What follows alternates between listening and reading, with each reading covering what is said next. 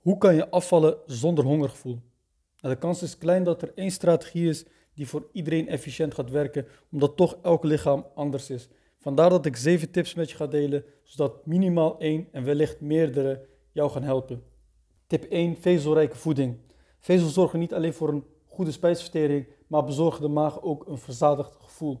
Door vezels houdt het voedsel in de maag meer vocht vast en dit is natuurlijk beter voor de ontlasting, maar tegelijkertijd heb je ook meer volume. Dus zolang de ontlasting niet heeft plaatsgevonden, houdt het de hongergevoel wat langer op afstand.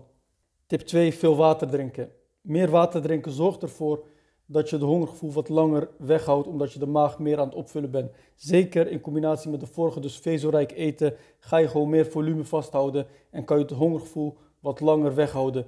Zelf heb ik dit uitgetest door voor de maaltijd een flinke glas water te drinken, terwijl ik normaal gesproken na de maaltijd wat drink.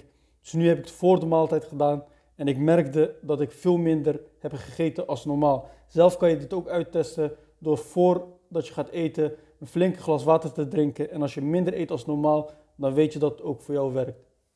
Tip 3. Koolhydraatarm eten. Op het moment dat je veel koolhydraten eet, krijg je bloedsuikerspiegel, een hoge piek en stijgt de insuline in je lichaam. Hierdoor krijg je snel weer honger. En hoewel dit gunstig is om snel aan te komen en spiermassa op te bouwen, werkt dit averechts voor afvallen. Om hongergevoel te voorkomen en juist een verzadigd gevoel, dus een volgevoel in de maag te behouden, kun je beter focussen op gezonde vetten en eiwitten en de koolhydraten aan de lage kant houden.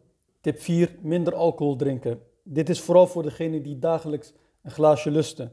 Alcohol brengt niet alleen nutteloze calorieën met zich mee, maar het versterkt ook nog eens de behoefte aan een vettige hap. Daarbij komt ook nog eens dat je in die gemoedstoestand maling krijgt aan afvallen en juist helemaal losgaat, waardoor je de schade alleen maar groter maakt. Tip 5. Dagelijks sporten. Zeker als je van sporten houdt, is dit ideaal en kan je er beter gebruik van maken. Hierdoor hoef je jezelf weinig af te remmen, dus je kan gewoon goed blijven eten. Helemaal geen last hebben van hongergevoel, maar omdat je dagelijks zodanig veel calorieën verbrandt met het sporten, klopt het in verhouding en kom je dagelijks in de min terecht. Tip 6. Gebruik maken van 0% caloriesauzen. Vaak heb je toch met de caloriearme maaltijden dat je iets mist, iets vettigs, iets zoets.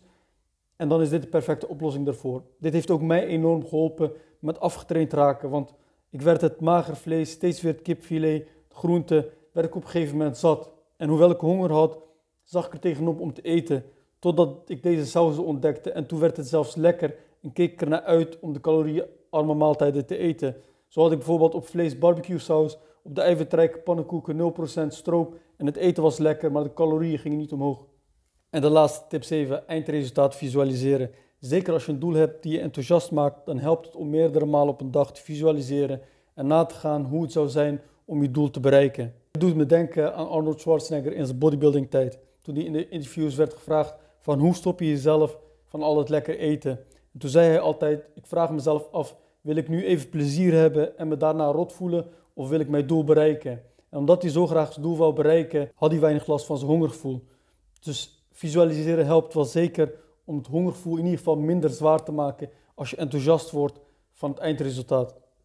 Nou, dit waren de zeven tips en dit was het dan ook voor deze vraag en ik spreek in de volgende.